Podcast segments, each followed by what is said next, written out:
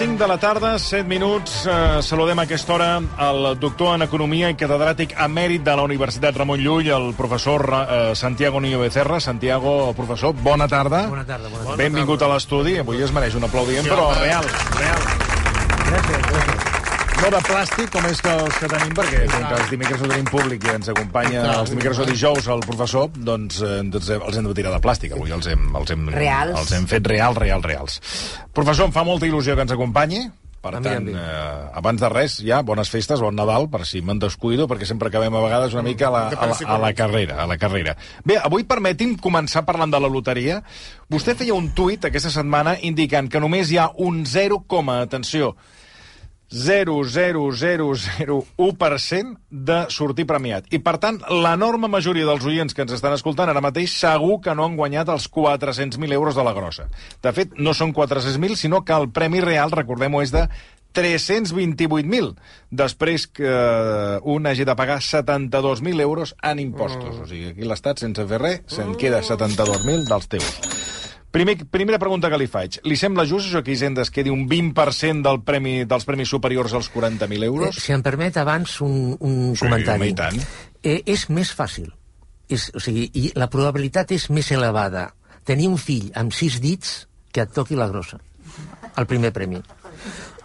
Hi ha més probabilitat de tenir un accident aeri de, que, eh, de tenir el, eh, obtenir el premi de la grossa, el primer premi. És més fàcil que la persona mitja pugui entrar a Harvard, estudiar a Harvard, mm. a la Universitat de Harvard, que et toqui el primer premi de la grossa. O sigui, la probabilitat és, exact, traduint la, la Sí. xifra que vostè ha dit, Sí, és sí. un partit per 100.000. O sigui, és, la, la probabilitat és nula pràcticament nula.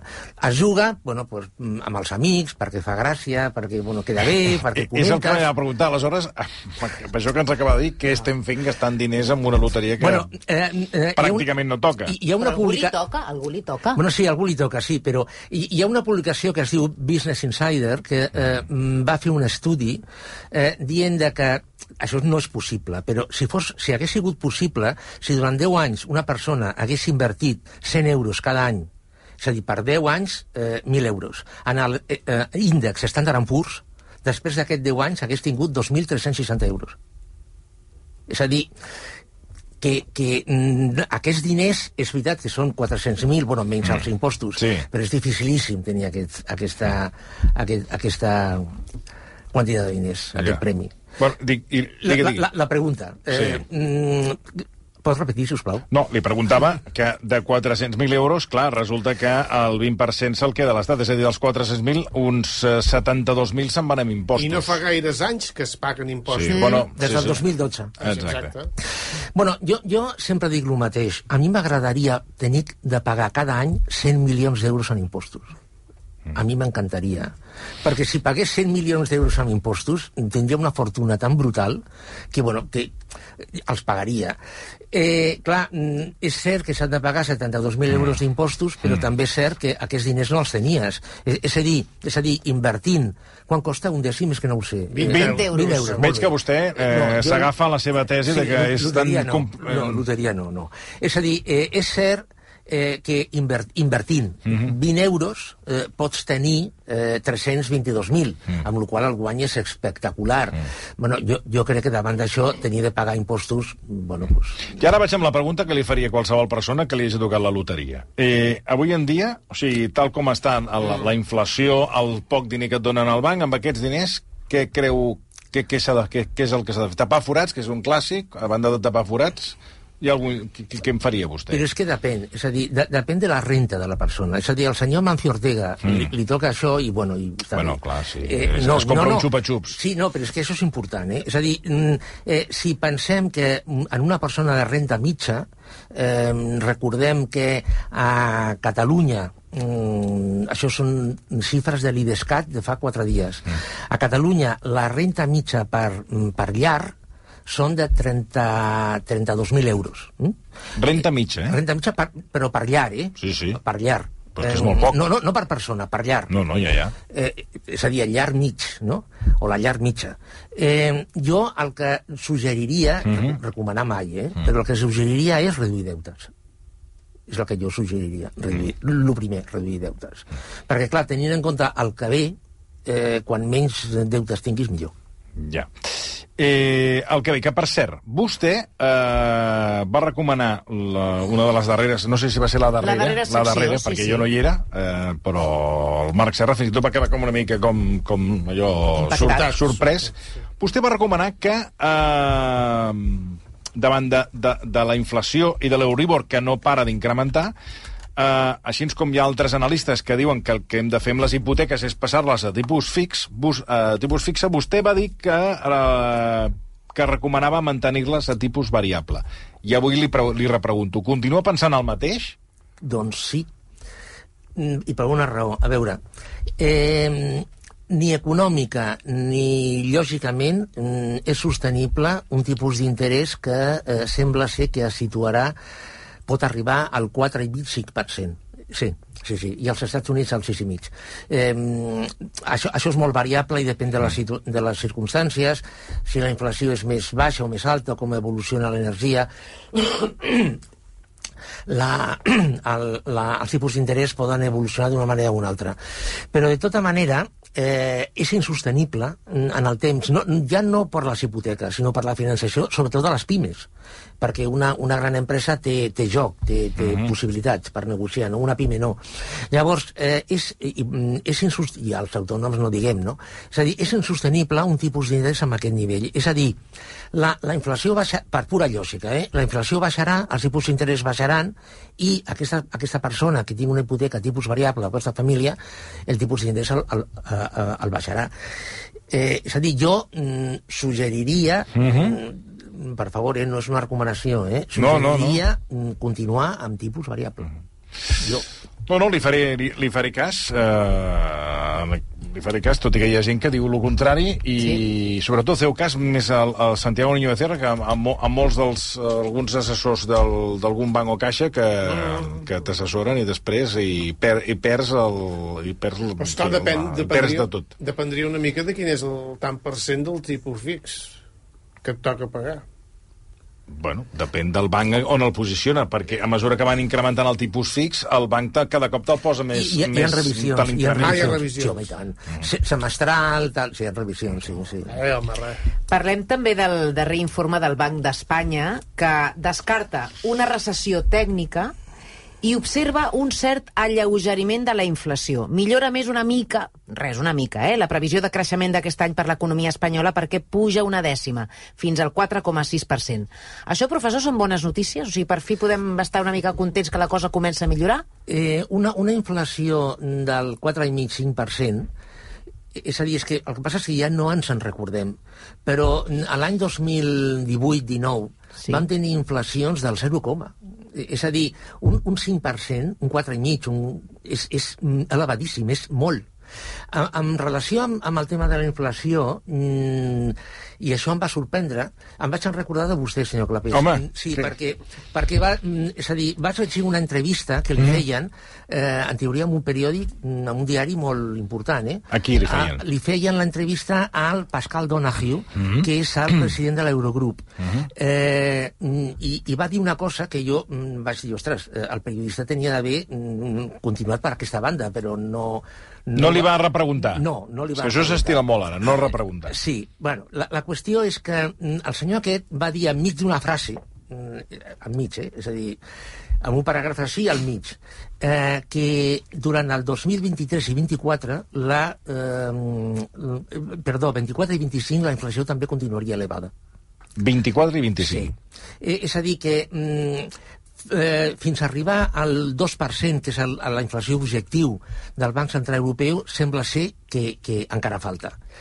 Eh, lla- llavors, eh, aquesta situació de, mm, que, que comentem... Sí que Marta, la Marta Sí. Aguilar diu que aquestes dades del Banc del Banc d'Espanya que són... Que Home, li, li preguntava si creu que són bones. Clar, queda descartada la recessió tècnica, això... això Bueno, és que la, és que la recessió tècnica, eh, aqu aquesta, i, i amb tots els respectes cap al Servei d'Estudis del Banc d'Espanya, és a dir, és que la recessió tècnica és un concepte antic, ja, ja no és eh, actual. La recessió tècnica és dos trimestres consecutius amb creixement negatiu. Mm -hmm. Sí, però amb una inflació, amb una inflació de, ja no del 10, amb una inflació del 5 o del 6 i un creixement del 0, ah, això és una... Això, a veure, li podem dir com vulguem, però això és una Ja. Eh, eh, eh, és a dir, el que passa és que la paraula recessió espanta moltíssim, mm. eh, eh, però, però realment és que és una, una recessió. A mi d'aquest estudi del Banc d'Espanya eh, és veritat que hi ha millores mm, eh, mínimes, sí. però a mi el que, el que més m'espanta d'aquest estudi, que el Banc d'Espanya ho, ho, ho, ho explica claríssim, eh? el que passa és que això no s'ha comentat, és que el dèficit el dos, va baixant, és a dir, el 2023 i 24 baixa, però el 25 torna a pujar. Mm. Llavors, això em preocupa perquè això significa que si el dèficit s'incrementa, que mm, els ingressos eh, públics, via impostos, etc, no arriben en els objectius, o bé la despesa, per la raó X, es dispara.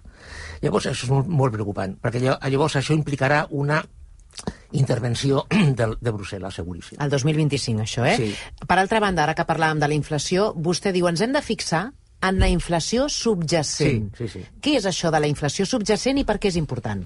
Què indica? La, la inflació subjacent és la inflació general restant l'impacte de l'energia i dels eh, aliments no elaborats. Eh, aliments frescos, bàsicament. Mm. Eh, per què és important? perquè l'energia, mm, els aliments frescos també, però menys, però l'energia és molt volàtil. Per exemple, el, el, el govern s'ha omplert la boca eh, de dir que la inflació havia baixat a Espanya, i és cert, la inflació eh, és cert que ha baixat, mm. però la inflació subjacent, és a dir, traient, torno a dir, eh, eh, energia i aliments eh, no elaborats, està estancada, és a dir, en el 6,2-6,3%. I això és gravíssim perquè reflexa, és un reflexe de la evolució dels costos de les empreses. És a dir, amb aquesta inflació subjacent estan les neveres, estan les bombetes, estan les taules, estan els bolígrafs, mm. les ampolles d'aigua, els, els jerseis... És a dir, és que està tot menys els aliments, frescos, els aliments frescos eh, i eh, l'energia. I això significa que com la productivitat a Espanya és baixa, que de fet la productivitat eh, està estancada totalment, això significa que eh, el, la competitivitat de l'empresa espanyola eh, ha baixat. De, de fet, de fet, un estudi que es va mm, publicar ahir deia que el pes de la indústria en el PIB ha baixat. Mm. Ara hi entrarem amb això. Ahir Pedro Sánchez en el Senat va dir que la inflació estava, havia baixat 3, 3 o 4 mesos consecutius, per tant, eh, bueno... La general. Sí, sí, mm. no, la subjacent no, ja, ja li dic jo que no la... No parlava no, d'aquesta. No, no, la va, no la va comentar.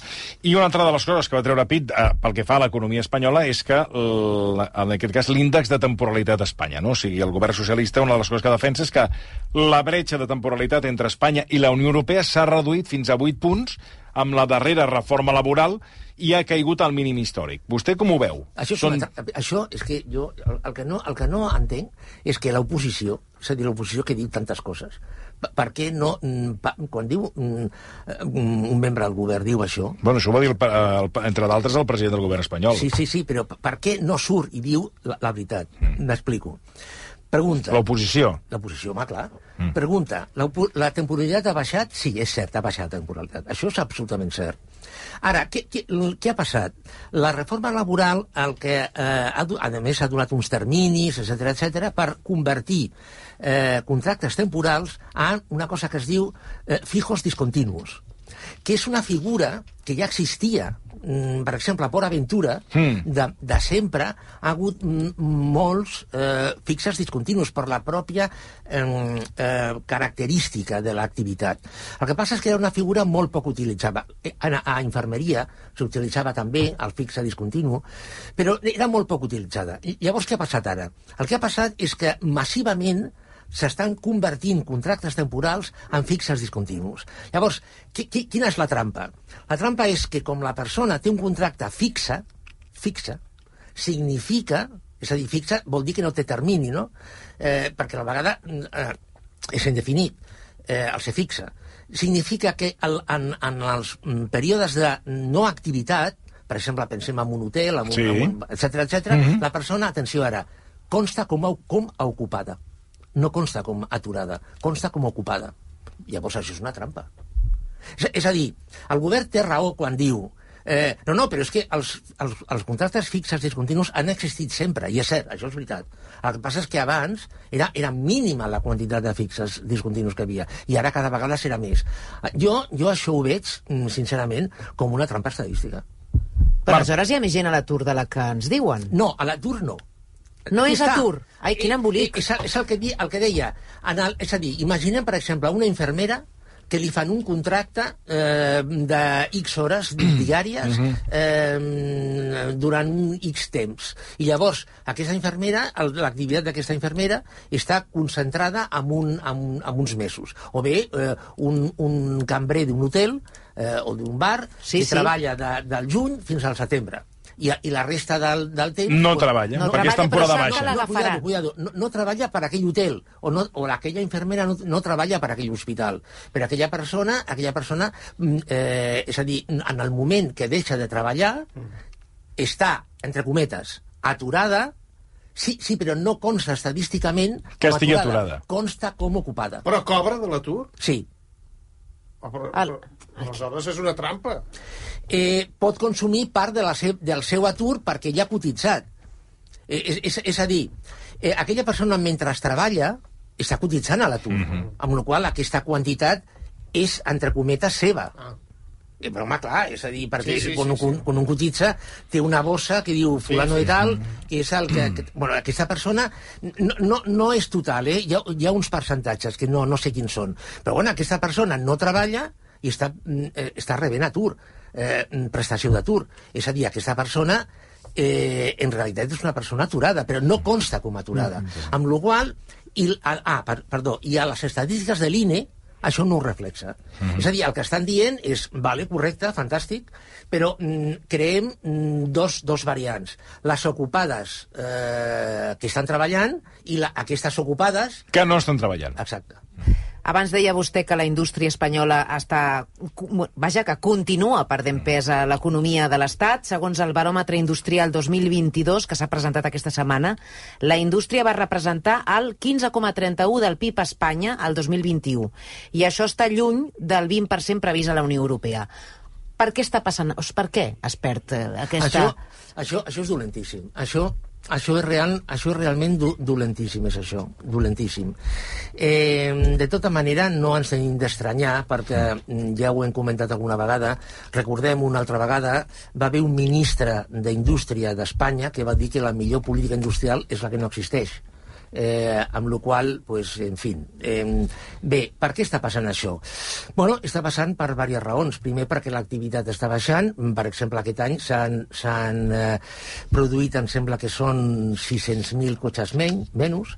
Eh, hi ha empreses que estan tancant, hi ha activitat que s'està reduint. Eh, a, a, acabo de llegir abans, quan, abans d'entrar a l'estudi, que SEAT havia ampliat l'ERTO fins al juny. Però perquè tam també hi ha un problema de components, és a dir, que tenim la Xina, que té Sí, una, però- no una nova variant, eh, no, la vacuna no acaba de funcionar, eh, Xina torna a tenir greus problemes i això afecta els components que no arriben a les fàbriques. Però per la raó que sigui, la indústria a Espanya està perdent pes. Mm. És a dir, això significa que si la indústria està perdent pes, hem de, hem de eh, atraure més turistes, hem de traure mm. eh, eh, més soci, hem de, bueno, hem de mm, per cobrir.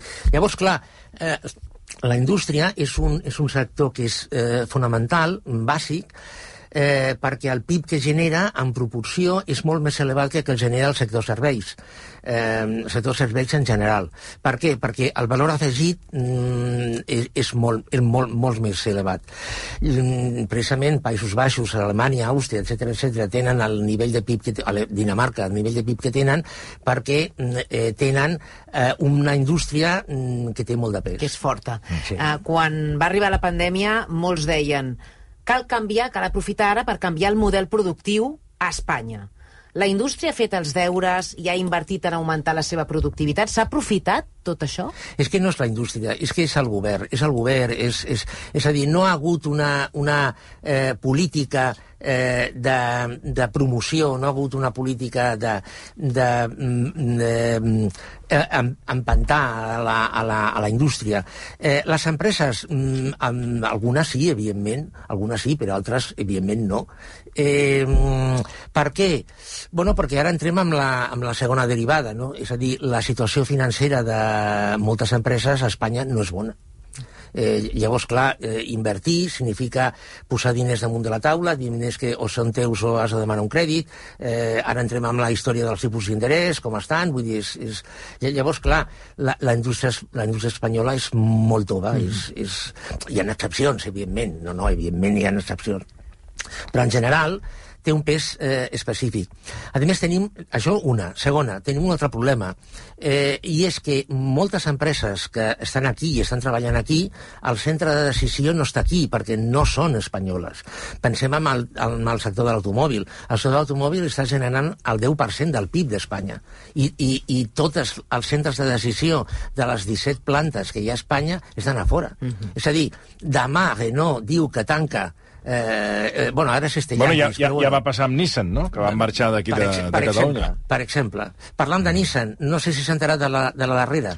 Eh, mm, doncs no. És a dir, amb tots els plans que hi ha mm. per reindustrialitzar, ta, ta, ta, ta, ta el, els, sí. el 50% només es, dels treballadors es podran ocupar, de moment. És a dir, eh, la, la, és una situació d'indefensió molt, molt forta. El que passa és que, mm, de fet, eh, el, el, Espanya té molta culpa. Eh? Aquest govern i l'anterior i l'altre i l'altre i l'altre, no? que ara que estem parlant de la productivitat, eh, aquest any s'ha parlat molt de la gran renúncia als Estats Units, d'empleats que cada cop estan com més desvinculats de l'empresa, que fan el que toca i punt, que se'n van de les feines perquè no se senten contents. I ara ja, segons un estudi de la consultora McKinsey Co, hi ha una possible solució, diuen ells, eh? Mm. que és que els empleats se sentin més valorats. O sigui, ells diuen, si l'empleat se sent valorat, aleshores rendeixen més. Miri, jo eh, mm, he estat molts anys a empresa i jo penso que això és cert, això, això és veritat, a partir d'un salari. Eh, és a dir, hi, hi ha estudis, hi ha estudis que, eh, a més, això està demostrat per activa i per passiva. Eh? A partir de cert nivell de salarial, clar, no, no, estic parlant de salari, eh? no estem parlant de participació en beneficis. Això és una altra pel·lícula, eh? Mm -hmm. Sigui, queda clar, eh? Sí, sí, sí, salaris. Salari, salari puro i duro. A partir de cert nivell salarial, que això depèn dels països, etc etc. un, un increment salarial d'un 2, un 3%, un 4%, no influeix en el rendiment de les persones. Llavors, a, a, quan s'entra en aquesta dinàmica, sí que és veritat que donar premis via, jo que sé, eh, bonus de viatge, o dir a la persona que és molt guapa eh, i que funciona molt bé i que és molt, eh, molt valuosa per l'empresa, etc etc, pues, pues sí, però torno a dir, eh, a partir d'un nivell salarial. Una persona, per exemple, que està cobrant el salari mínim, que li diguin que és fantàstica, pues, eh, sí, està molt bé, però... Ja. Escolta, i això de la instauració, aquest, uh, pilot, aquesta prova pilot que s'està fent fins i tot a Espanya aquesta setmana de quatre dies laborables, sí. tampoc? Sí, però, a veure... No, no ens compra res, miri, eh? Escolta. No, sí, no, mira que li passem no pilotes, eh? eh això... Res. Recorda... No entra una bola. No, a més, vam estar parlant amb aquest programa. Recorda, recorda de Sí, és que, ja fa, és que això ja, va, això ja ve de, sí. de... Això ve de Mèxic, crec que de Carlos... Slim, Slim. Slim, eh, que ja va proposar-ho fa un grapat d'anys, ja va parlar de la jornada laboral de quatre dies. I ara estem eh, donant toms a aquesta qüestió. Mira, per això, això li pregunto. Sí, a veure, això es pot pintar de blau o, o de groc. Mm i es pot dir en anglès o en rus. Mm. Eh, la realitat és que eh, si es vol treballar menys hores cobrant el mateix, o s'incrementa la productivitat o és impossible. El cas de Desigual. Desigual va fer una votació entre els seus mm. empleats sí. eh, i no totes les seccions, eh, però mm, una sèrie de seccions van, van reduir el 15% el temps de treball, però els salaris van baixar al 6,5%. Eh, és a dir... Eh, mm, per... Això que diuen de quatre dies laborables, el salari és igual? Si augmenta... No, eh, només és possible si s'incrementa la productivitat. Però és factible, això? Sí, sí, sí s'incrementa la productivitat. Com s'incrementa la productivitat? Invertint. Tecnologia. Exacte. Tecnologia, reorganització eh, del sistema de treball, vull dir, etc etc. I, I, aquí a la ràdio com hauríem de fer per fer quatre dies en lloc de cinc? o sigui, com augmentaríem la productivitat aquí? Eh, bueno, és que... Perquè és, si fas... No, no, no, però, però a veure... Saps, perquè que... jo els divendres em aniria bé fer festa sí. i que ho faci ja el bundó des de divendres. Jo fa temps que ho proposo això, però aquí a la casa no m'escolten. Jo ja fa temps que dic, mira, ja sí. de dilluns a dijous, i aleshores, pel que cobra el bundó, i el seu equip, I tant. doncs escolta, que, que els hi paguen un plus i que ja se'n vagin des de divendres fins diumenge. I, bueno, ho proposo aquí, no, no, no, no, no, Ja. no ho compren, no ho compren. Sí, en, el, en els treballs que són molt personals, mm. això és, és realment complicat. Ja, Eh, bueno, però és, complicat. igual, eh? La gent ho compra igual, eh? no, No, un do que clapés o és igual. No, però la, la idea, in- incrementar la productivitat no Sí. és que el senyor Mundó eh, substituís el senyor Clapés. Incrementar la productivitat seria eh, o bé posar un robot eh, que faci la, el treball del senyor Clapés, o bé robot. que això no li agrada. O bé, o bé que el senyor Clapés mm. eh, gravés cada dia una hora més de programa i se, i se metés el divendres. Què et sembla? Bueno, però aleshores treballo igual. Com que treballa igual? Home, si cada dia he de gravar una hora per emetre el divendres a les 4 hores... Clar, bueno, mm, eh, això és una... una, una... Vull dir, on està? Vull dir, sí, eh, tindré festa divendres, però hauré de gravar dilluns, dimarts, bueno, dimecres pues, i dijous. Pues, pues llavors ha de ser, ha de ser només és possible fer-ho via tecnologia, no hi ha una altra. Bueno, el que passa és que l'exemple que ha passat vostè mm. és que és molt personal. Bueno, clar, és que jo vaig al que m'interessa. Eh? ja, ja. M'importen els altres. Bueno, m'importen, sí, però vull dir que, bueno, que, que m'interessa a mi de fer quatre dies de laborals, que això ja fa temps que els hi proposo aquí a la direcció, no m'ho compren. Per, per exemple, per, ja, ja, ja aquest, aquesta, aquest senyor se'ls tenia de portar aquí al programa perquè... perquè A veure, eh, apuntem-ho. Un, un, un senyors, que a més és espanyol, eh? és un invent espanyol aquest, que han creat un robot per servir en restaurants i eh, Ah, bars. aquest, aquest el vaig veure un dia que sortia amb el Marc Ribas a un programa de... que anaven amb el, a la, o la olla de Xijuan, o una cosa així, i sortia un robot d'aquests. Mm. Ara, que et serveixi un robot és molt depriment, eh? Mm, bueno, mm, què vol que li digui? També l'Àfrica Pallera m'apunta hi ha gent que és pitjor que un robot, també té raó. Eh, Què, què, clar. què, què, què vol que li digui? Sí, És no, a dir, té raó, té raó, Eh, a, a, llavors, amb això, amb això sí que es pot incrementar la productivitat, mm. eh, va molt més ràpid que un humà, vull dir, etc etc.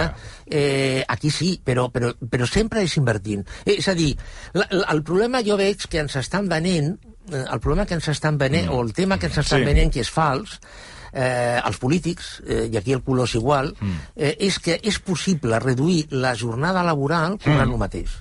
Ja. I no és cert si no s'incrementa la productivitat. Punto. Bueno, anem amb preguntes dels oients que heu fet aquí a Sí. l'estudi de RAC1. Eh, Mira, el Xavier, comencem? el Xavier diu, um, segons els càlculs del professor alemany Dr. Hans Werner Sinn, després de les crisis de Lehman Brothers, la del deute i la del Covid, ell parlava de capital, però el professor, que he comentat amb ell la pregunta abans, em deia, és la massa monetària. La massa monetària la Unió Europea s'ha multiplicat per 9. O sigui, des del 2008 fins ara, la massa monetària, ens diu aquest oient, s'ha multiplicat per 9. Tot aquest capital, diu ell, hauria provocat una hiperinflació si hagués anat als consumidors. I, però se suposa que tot això està al mercat financer. I la pregunta és, baixarà del sistema financer algun dia tota aquesta massa monetària i provocarà una hiperinflació tots aquests diners impresos pel Banc Central Europeu? A, a veure, el, el senyor Xavier té raó en el sentit que, que sí, eh, que mm, la immensa majoria d'aquests diners han anat a les bosses. Per això la, les bosses han tingut eh, dos anys extraordinàriament bons quan l'economia estava fet una porqueria. No? És a dir, s'ha anat amb una, amb una especulació només buscant eh, evidentment un increment eh, via mm, cotitzacions, un increment de valor via cotitzacions, amb recompra d'accions per part de les empreses, vull dir, etc etc. sobraven diners, hi havia persones que no tenien cap problema, empreses en, en obtenir un crèdit, eh, i, bueno, i, i per això la inflació durant una sèrie de temps vull dir, ha estat mm, molt amortida, molt, molt amortida. Bé, eh, en part, en part, la inflació... Que, no, ara no, no em pregunti a quin percentatge, eh? però en part, la inflació que tenim ara està causada perquè part d'aquests diners s'estan retornant. Mm al, al, al, al sistema financer. Estan sortint de les borses i estan retornant al sistema financer. El que passa és que part també està anant a la, a la deuta pública eh, amb la qual eh, bons a l'Estat, no? amb la qual encara no, no ha entrat a saco al, al, al sistema financer. Eh, però sí, evidentment, si, si entrés en el sistema financer, encara això seria pitjor per la inflació, per descomptat que sí. Escolta, el Xavier, un aplaudiment No, per la tant. pregunta. A quin nivell d'oients tenim Ni jo aquesta te la, te la sabia preguntar, perquè no, escolta, ho desconeixia tot això. Més preguntes. En aquest cas del Guillem. Ell pregunta si és cert que cada cop hi ha més empreses que, a banda del creixement purament eco- econòmic, també busquen el valor del temps. I la seva pregunta és, pot funcionar l'economia si no es creix de forma perpètua i es creix en un tema més emocional? O sigui, Això daria per un programa, eh? Bueno, no, és, que, és que, bueno, quins oients, però és que sou de matrícula, perdoneu, és que, és que, hòstia, tu, heu fet un curs a Harvard, eh, realment, eh, eh, de Harvard al versió, estic, estem, escolta, em sento orgullós d'aquests oients. I després del nen caca, que superar del nen caca, passar aquestes Sí. preguntes, demostra que encara tenim alguns el professor oients... potser no sap ni de què parlem, No, millor no, eh? millor no saber-ho. Millor no saber-ho. entrar en detalls. Endavant, professor. Eh, sí, a veure, a veure no, no, sé, no sé de què parleu. No, millor, millor, millor que no, no, no, millor que no, millor. perquè no, no, no tornaria al programa, millor que no. Va. Bueno, a veure, eh, això d'alguna forma també està vinculat amb el tema de la productivitat que comentàvem abans. Mm -hmm. eh, és, és a dir, la, la, la, el, el, el fons, el rerefons d'aquesta pregunta és... Eh, bueno, la pregunta ho nega, eh, i fins fa 5-10 anys, 5, 10 anys mm, es deia que no, que, que era impossible, però ara cada vegada s'està anant més cap a aquest, amb aquesta banda, que és que el creixement perpetu eh, sempre amunt és impossible. Lla, lla, llavors, eh, la pregunta és quin creixement? Clar, perquè nosaltres estem acostumats a creixement del 1, coma o 2, coma. Clar, creixements del 0, coma, 1, 0,2 mm, és creixement, és pràcticament res, eh, i, eh, però hi ha creixement. El que passa és que el problema que té eh, anar a aquesta situació, que sembla ser que cada vegada hi ha més experts que diuen que anirem cap a aquesta, cap a aquesta situació, és qui es quedarà aquest creixement. Llavors, tots els estudis, OCDE, Fons Monetari Internacional, etc etc, apunten que la desigualtat anirà més.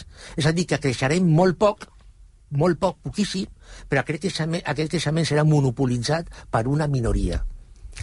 Llavors, el valor del temps, el temps tindrà valor, en, és a dir, se, se, serà una cosa psicològica. És a dir, a la persona li diran quatre dies de... Mm. de Laborables, de, laborables o, o tres, inclús. Eh, hi ha gent que parla de tres dies laborables, eh, jornades reduïdes, etc etc, no més renta, amb la qual bueno, tindràs de eh, cultivar-te, eh, llegir... Eh, eh, No gastar, vol dir. No gastar. no, no gastar perquè no tens renta i no es produirà per créixer, perquè el creixement serà molt baix mm. i estarà monopolitzat. És, és una situació que eh, filosòficament és molt bonica, perquè a, a la vegada eh, resol coses com la contaminació, per exemple. Mm -hmm. El que passa és que, clar, nosaltres no estem acostumats a això. Eh? No hi haurà gent als bars, eh? No, no, no, evidentment no. Bueno, potser... Potser estaria. Potser llegint el diari, només. No, però hi, ha, però hi haurà unes despeses per pagar. És a dir, una, haurem de menjar i haurem Sí, de dormir en algun lloc. Sí, el que, I això sí, costa diners. el que passa... El que, el que, mm, sí, és a dir, renta bàsica, eh, bueno, farinetes no ho sé, perquè això és de postguerra, però... Ja ho sé, però és clar. Però, bueno, però mm, un, un, un menjar molt bàsic, sí, sí, clar. Sí, sí. Anem cap aquí. I la tercera pregunta que ha seleccionat el professor és una pregunta que ens planteja l'Oriol, que pregunta com s'ha vist afectada la recaptació de l'Estat eh, amb, amb la reducció de l'impost dels hidrocarburs de 20 cèntims per litre. Ah. Si s'ha vist incrementada aquesta recaptació tot i aquesta reducció de 20 cèntims eh, que hi ha hagut durant aquests mesos. Bueno, no, no, tinc, no tinc dades, però, eh, a veure, jo, jo per mi aquesta mesura ha sigut una equivocació absoluta. De, de fet, el mateix govern ho ha reconegut. Eh, això va ser una mesura política, eh, però és insostenible, perquè això significa baixar la recaptació, eh, significa tres coses. En primer, en primer lloc, significa baixar la recaptació, en segon lloc, significa mm, incentivar el consum, i en tercer lloc significa que persones que utilitzen o que poden utilitzar el, el, el eh, cotxe o el vehicle mm. per passejar, doncs, bueno, li surt més, més, més barat. No? Lla- Llavors, tots els ajuts... És, és una cosa semblant al que ha passat amb l'IVA de l'electricitat, també un error, una baixada, una baixada de forma eh, generalitzada. No? És a dir, la, la, la Unió Europea, el Fons Monetari Internacional apunten a que ha de ser selectiva. És a dir, S'arriba a la... que no sé, que, que és, una, és un plantejament, no, no, no dic que ha de ser aquest plantejament, eh? És a dir, s'arriba a la conclusió que el transport de llarga distància ha de tenir una bonificació en el combustible, molt bé, doncs una reducció X per al transport de llarga distància. Punto. S'arriba a la conclusió que les persones que tenen una renta per sota del salari mm, mínim han de tenir una bonificació? Molt bé, doncs per a aquestes persones, però no de forma generalitzada. Bon, doncs... Eh, a partir de quan? Del gener ja ens treuen la bonificació, ja? Sembla que sí, tot i que no ho han Per tant, Nàdia encara, eh, Calviño però aquí no, sí, no va estar massa encertada, professor. Perquè, clar, bueno, la... jo, jo, Bueno, jo, jo la- no he parlat amb la senyora Calviño, eh, però a mi Bueno, em dóna la tampoc, sensació però- que, la, que la senyora Calviño és eh, la, la rara avis d'aquest govern. Eh? És a dir, recordem l- el treball anterior de la senyora Nadia Calviño. La senyora Calviño era la mà dreta del responsable de pressuposts de la Unió Europea. La senyora Nadia Calviño va ser el, el fitxatge estrella del senyor Pedro Sánchez per tenir una mega experta en el tema econòmic. Jo estic segur que la senyora Nadia Calviño, mm, moltes vegades, però moltes, eh, li poden trucar un dia a veure si es posa. Li, ella diu una cosa i li diuen no puede ser, no puede ser, no puede ser, per un tema polític. Bueno, si tinc ocasió li, li, li traslladaré a veure si... No t'ho dirà. si... La, I la Míriam ens recorda que dimarts faran l'anunci al Consell de Ministres, però que ja han dit que mantenen els 20 cèntims pels sectors de l'agricultura i el transport. Veu? La resta, res de res. Professor, que tingui un molt bon Nadal, unes bones festes i un eh, bon inici del 2023. Igualment. Moltes Igualment. gràcies per venir, gràcies als oients per les seves magnífiques preguntes. Fem una pausa i baixarem una mica el nivell perquè arriba Guillem Estadella i amb l'Estadella mai No, saps. no baixem una mica. Sí, amb el nen caca, eh, si, puguem, si podem pujar una mica el nivellet, també ho arreglaríem, això. Ara tornem.